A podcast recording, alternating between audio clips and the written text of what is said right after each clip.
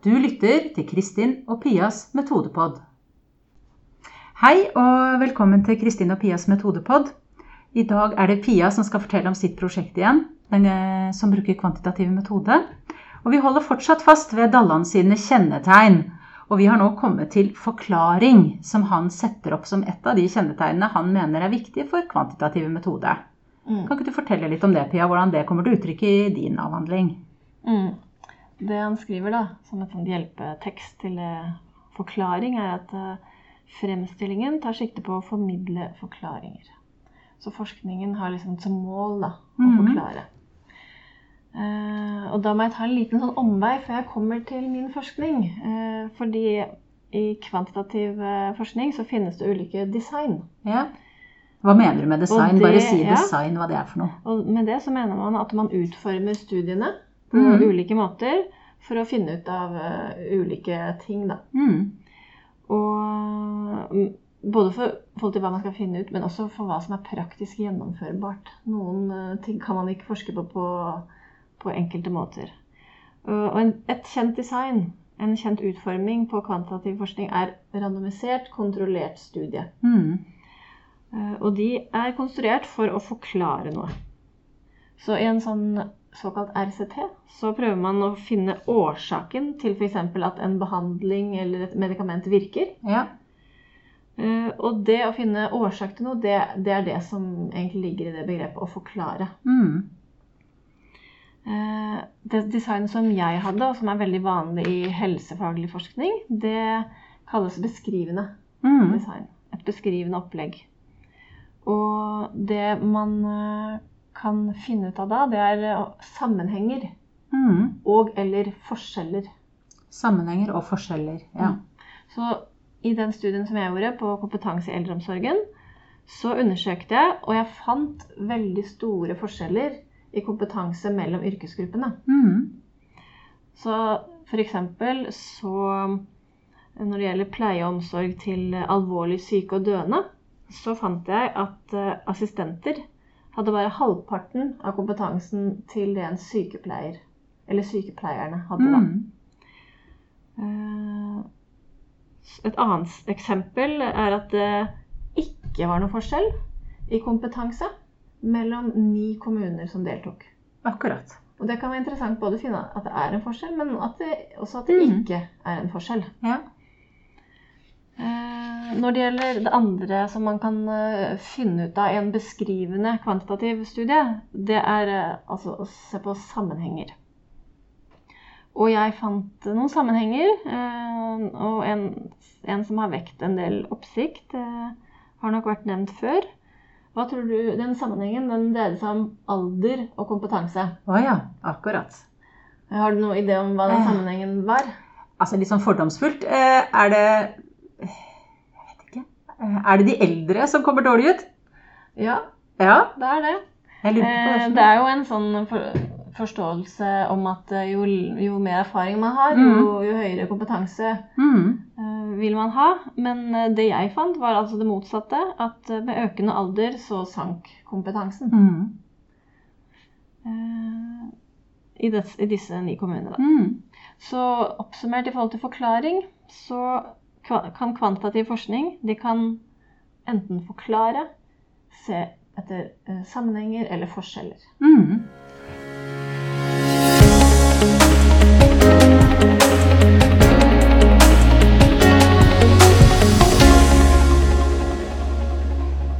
Så kommer vi til det punktet som Dalland kaller tilskuer, og det står jo i forhold til det som heter deltaker i kvalitativt. Og det her, eh, bare sånn for å trekke opp litt, det handler jo litt om det Skjervheim skrev om en gang i et veldig anerkjent eh, essay, og det er litt spennende. Men eh, nå skal vi dra det litt inn i våre studier. Mm. Jeg har snakka litt om hvordan det er å være deltaker. Mm. Og hvordan er den tilskuerposisjonen som forsker, Pia? Ja. Med dette så tror jeg at han Dalland tenker på at den kvantitative forskeren mm. studerer og forsker på et fenomen på avstand. Mm. Kanskje man kan tenke at eh, jeg sitter i en kinosal og ser på en film, mens du er med i den filmen Ja, kanskje. i din Ja. forskning. Mhm. Eh, Så den forskeren da, hun, eh, hun ser ikke seg selv som en del av det hun forsker på. Og det fenomenet, f.eks. kompetanse, da, som jeg forsker på. Mhm. Og hun, den forskeren, hun forsøker å påvirke fenomenet i minst mulig grad. Ja. Og hun tenker at det er mulig. Ja. Ikke sant. Så når jeg forska på kompetanse i kommunehelsetjenesten, så tenkte jeg at eh, dette fenomenet, det kan man undersøke eh, ved hjelp av et spørreskjema. Det må jo være Ja. en forutsetning at man tror at det er mulig. Mhm. Eh, og jeg tenkte at når jeg spør alle som var med i studien, de, alle deltakerne om det samme, de fikk de, de samme spørsmålene, og de ble spurt på samme måte altså, ved hjelp av et elektronisk spørreskjema, Ja. og de eh, gjorde det i noenlunde tilsvarende omgivelser. Det vil si at de gjorde det i arbeidstiden, i, en, eh, i et avsatt tid og rom. Akkurat. Ja. Og da tenkte jeg at jeg ville få såpass, eh, jeg ville få såpass upåvirka svar at det faktisk sa noe pålitelig om deres kompetanse. Mm. Jeg var ikke til stede. Det var heller ikke meningen. Jeg tenkte at det var riktig at jeg ikke skulle reise rundt og, og be om svar. Nei. Det var bare elektronisk kontakt. Ja. Ja. Eh, Riktignok så hadde jeg jo kommentert med ledere som skulle oppmuntre til å delta osv. Mm. Eh, men jeg var ikke til stede. Nei. Og, og en fordel Vi tenker at det er en fordel å ikke være til stede, fordi det kan påvirke negativt ved f.eks. At, eh, at man ønsker å fremstå på en viss måte. Mm. Og Det ligner jo litt på det du sa Ja. i forrige episode om at, eh, at pasientene kan ha blitt påvirka at du var der. Ja. Men også studentene, selvfølgelig. ja. Men vi ønsker ikke det, da. Vi Nei. ønsker en minst mulig påvirkning. Så at Mm. vi har, det er relativt likt grunnlag til, til det Mm. standardiserte svaret som de skal gi. Ikke sant.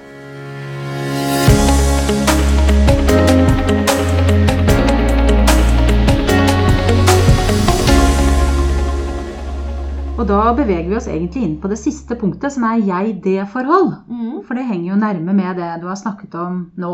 Ja. Det blir jo mye av det samme. Kan ikke du forklare litt mer hvordan du tenker at det er et jeg-det-forhold i kvantitativ metode? Ja. Litt satt på spissen så er ikke jeg som kvantitativ forsker i denne sammenheng så veldig opptatt av den enkelte deltaker. Nei. Eh, Du kan ikke navnet på dem også, Pia? Nei, og jeg skal ikke vite navnet på dem. Nei. Det skal være anonymt. Og, og, og jeg skal ikke kunne finne tilbake til hvem de er. Nei. Det er et viktig prinsipp, faktisk. Fordi de utleverer mye om seg selv. Ja. Og det, skal, det som er interessant, er liksom de store sammenhengene og forskjellene og forklaringene, og ikke hva Olga eller Kari Nei. på den enkelte arbeidsplass eh, svarte. Ikke sant. Og der er det veldig forskjell til kvalitativt. Ja. Fordi at jeg, ikke at jeg husker navnet på alle, men jeg vet godt hvem de er når jeg møter dem på gata. Ja. Ikke sant? Du aner ikke det. Jeg aner ikke. Noen ganger så møter jeg noen som sier 'Jeg svarte på den spørreundersøkelsen'. Og det er jo hyggelig tilbakemelding, men ellers så vil jeg aldri få vite det. Nei, ikke sant. Så, så jeg kaller faktisk de menneskene som, eh, som svarte på spørreundersøkelsen min, for respondent. Respondent, ja. Og det er jo ganske sånn eh, avstandsskapende måte Mm, å Istedenfor deltaker, som jeg ville kalle de, da. Ja. Mm. Så det er litt sånn instrumentelt, da. Og jeg er avhengig av at respondenten gir meg svar på det som jeg lurer på. Mm. Og um, jeg spør ikke nødvendigvis om det som brenner mest for den respondenten. Nei. Kanskje det ville være noe spesielt med kompetanse i eldreomsorg som de ønsket å formidle. Det er ikke det jeg først og fremst spør om. Jeg har nå et, eh, en rubrikk til slutt hvor man kan få uttale seg. Mm. Men eh, det er ikke sikkert at det fremkommer i mine analyser. Nei. Så det er jo ganske forskerstyrt, eh, denne måten. Så her vil jeg nok si at det kan virke som den kvalitative forskningen er mer ivaretagende i forhold til den enkelte deltaker. Sånn i det forhold til det personlige plan. Og så, så er vi alle opptatt av forskningsetikk og ivareta Ja, ta, ta de hensynene. ikke sant. Eh, Nå har vi snakka gjennom alle disse punktene til Dalland. Ja. Uh, Alt i alt så vil jeg si at uh, de kjennetegnene ved kvalitativ uh, forskning og, og kvantitativ um, gjør at kanskje, uh, har jeg tenkt, da, kanskje den kvantitative forsker fremstår litt som en kald fisk. ja. Den distanserte, kyniske, kalde fisken. Så fint. Ja, som er deler opp på alle begrepene og bare er interessert i sammenhengen og ikke enkeltpersonen. Eh, og tenker at så lenge det er systematisk uh, gjort, så kan alt måles. Ikke sant, ja. Eh, så, så vi har jo satt ting veldig på spissen nå. ja. Det er jo karikert. Ja. Ja. Så det er litt viktig å få fram nå til slutt. eh, og, og, men det var poeng, poenget var jo nemlig å, å sette det på spissen og karikere det Mm. for å få fram eh, hovedforskjellene. Ja. Og så blir det oppgaven til lytteren, som forhåpentligvis er veldig interessert i forskningsmetode og skal gjøre et forskningsarbeid selv, ja. og nyansere dette og fylle inn disse måte, skillene med mer Ja. nyanserte bilder og erfaringer. Da. Ikke sant? Fordi at eh, det er jo noen sånne karikaturer av den kvantitative og kvalitative, som telleren, den som er opptatt av tall, og den som er opptatt av ord. Mm. Men når man har det litt under huden, som en type karikatur, så er det jo åpenhet for å forstå grunnprinsippene, og så kan man nyansere ut fra det. Og det er jo sånn at i dag mer enn noen gang så er det jo samarbeid.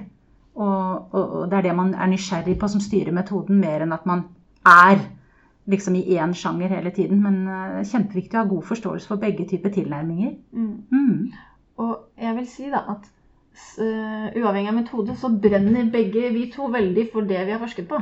Ja. Så vi er ikke noen vi er ikke noe kald fisk, men vi er noen øh, interesserte forskere. driven, da, Ja. så blir jo metoden verktøyene mer enn eh, et hovedanliggende. Men det skal gjøres ordentlig. Man skal vite hvilke verktøy man bruker når. Mm. Det er vel det vi kan oppsummere. Ja, Ja, Nei, dette var artig. så gøy, Pia. Takk for denne runden.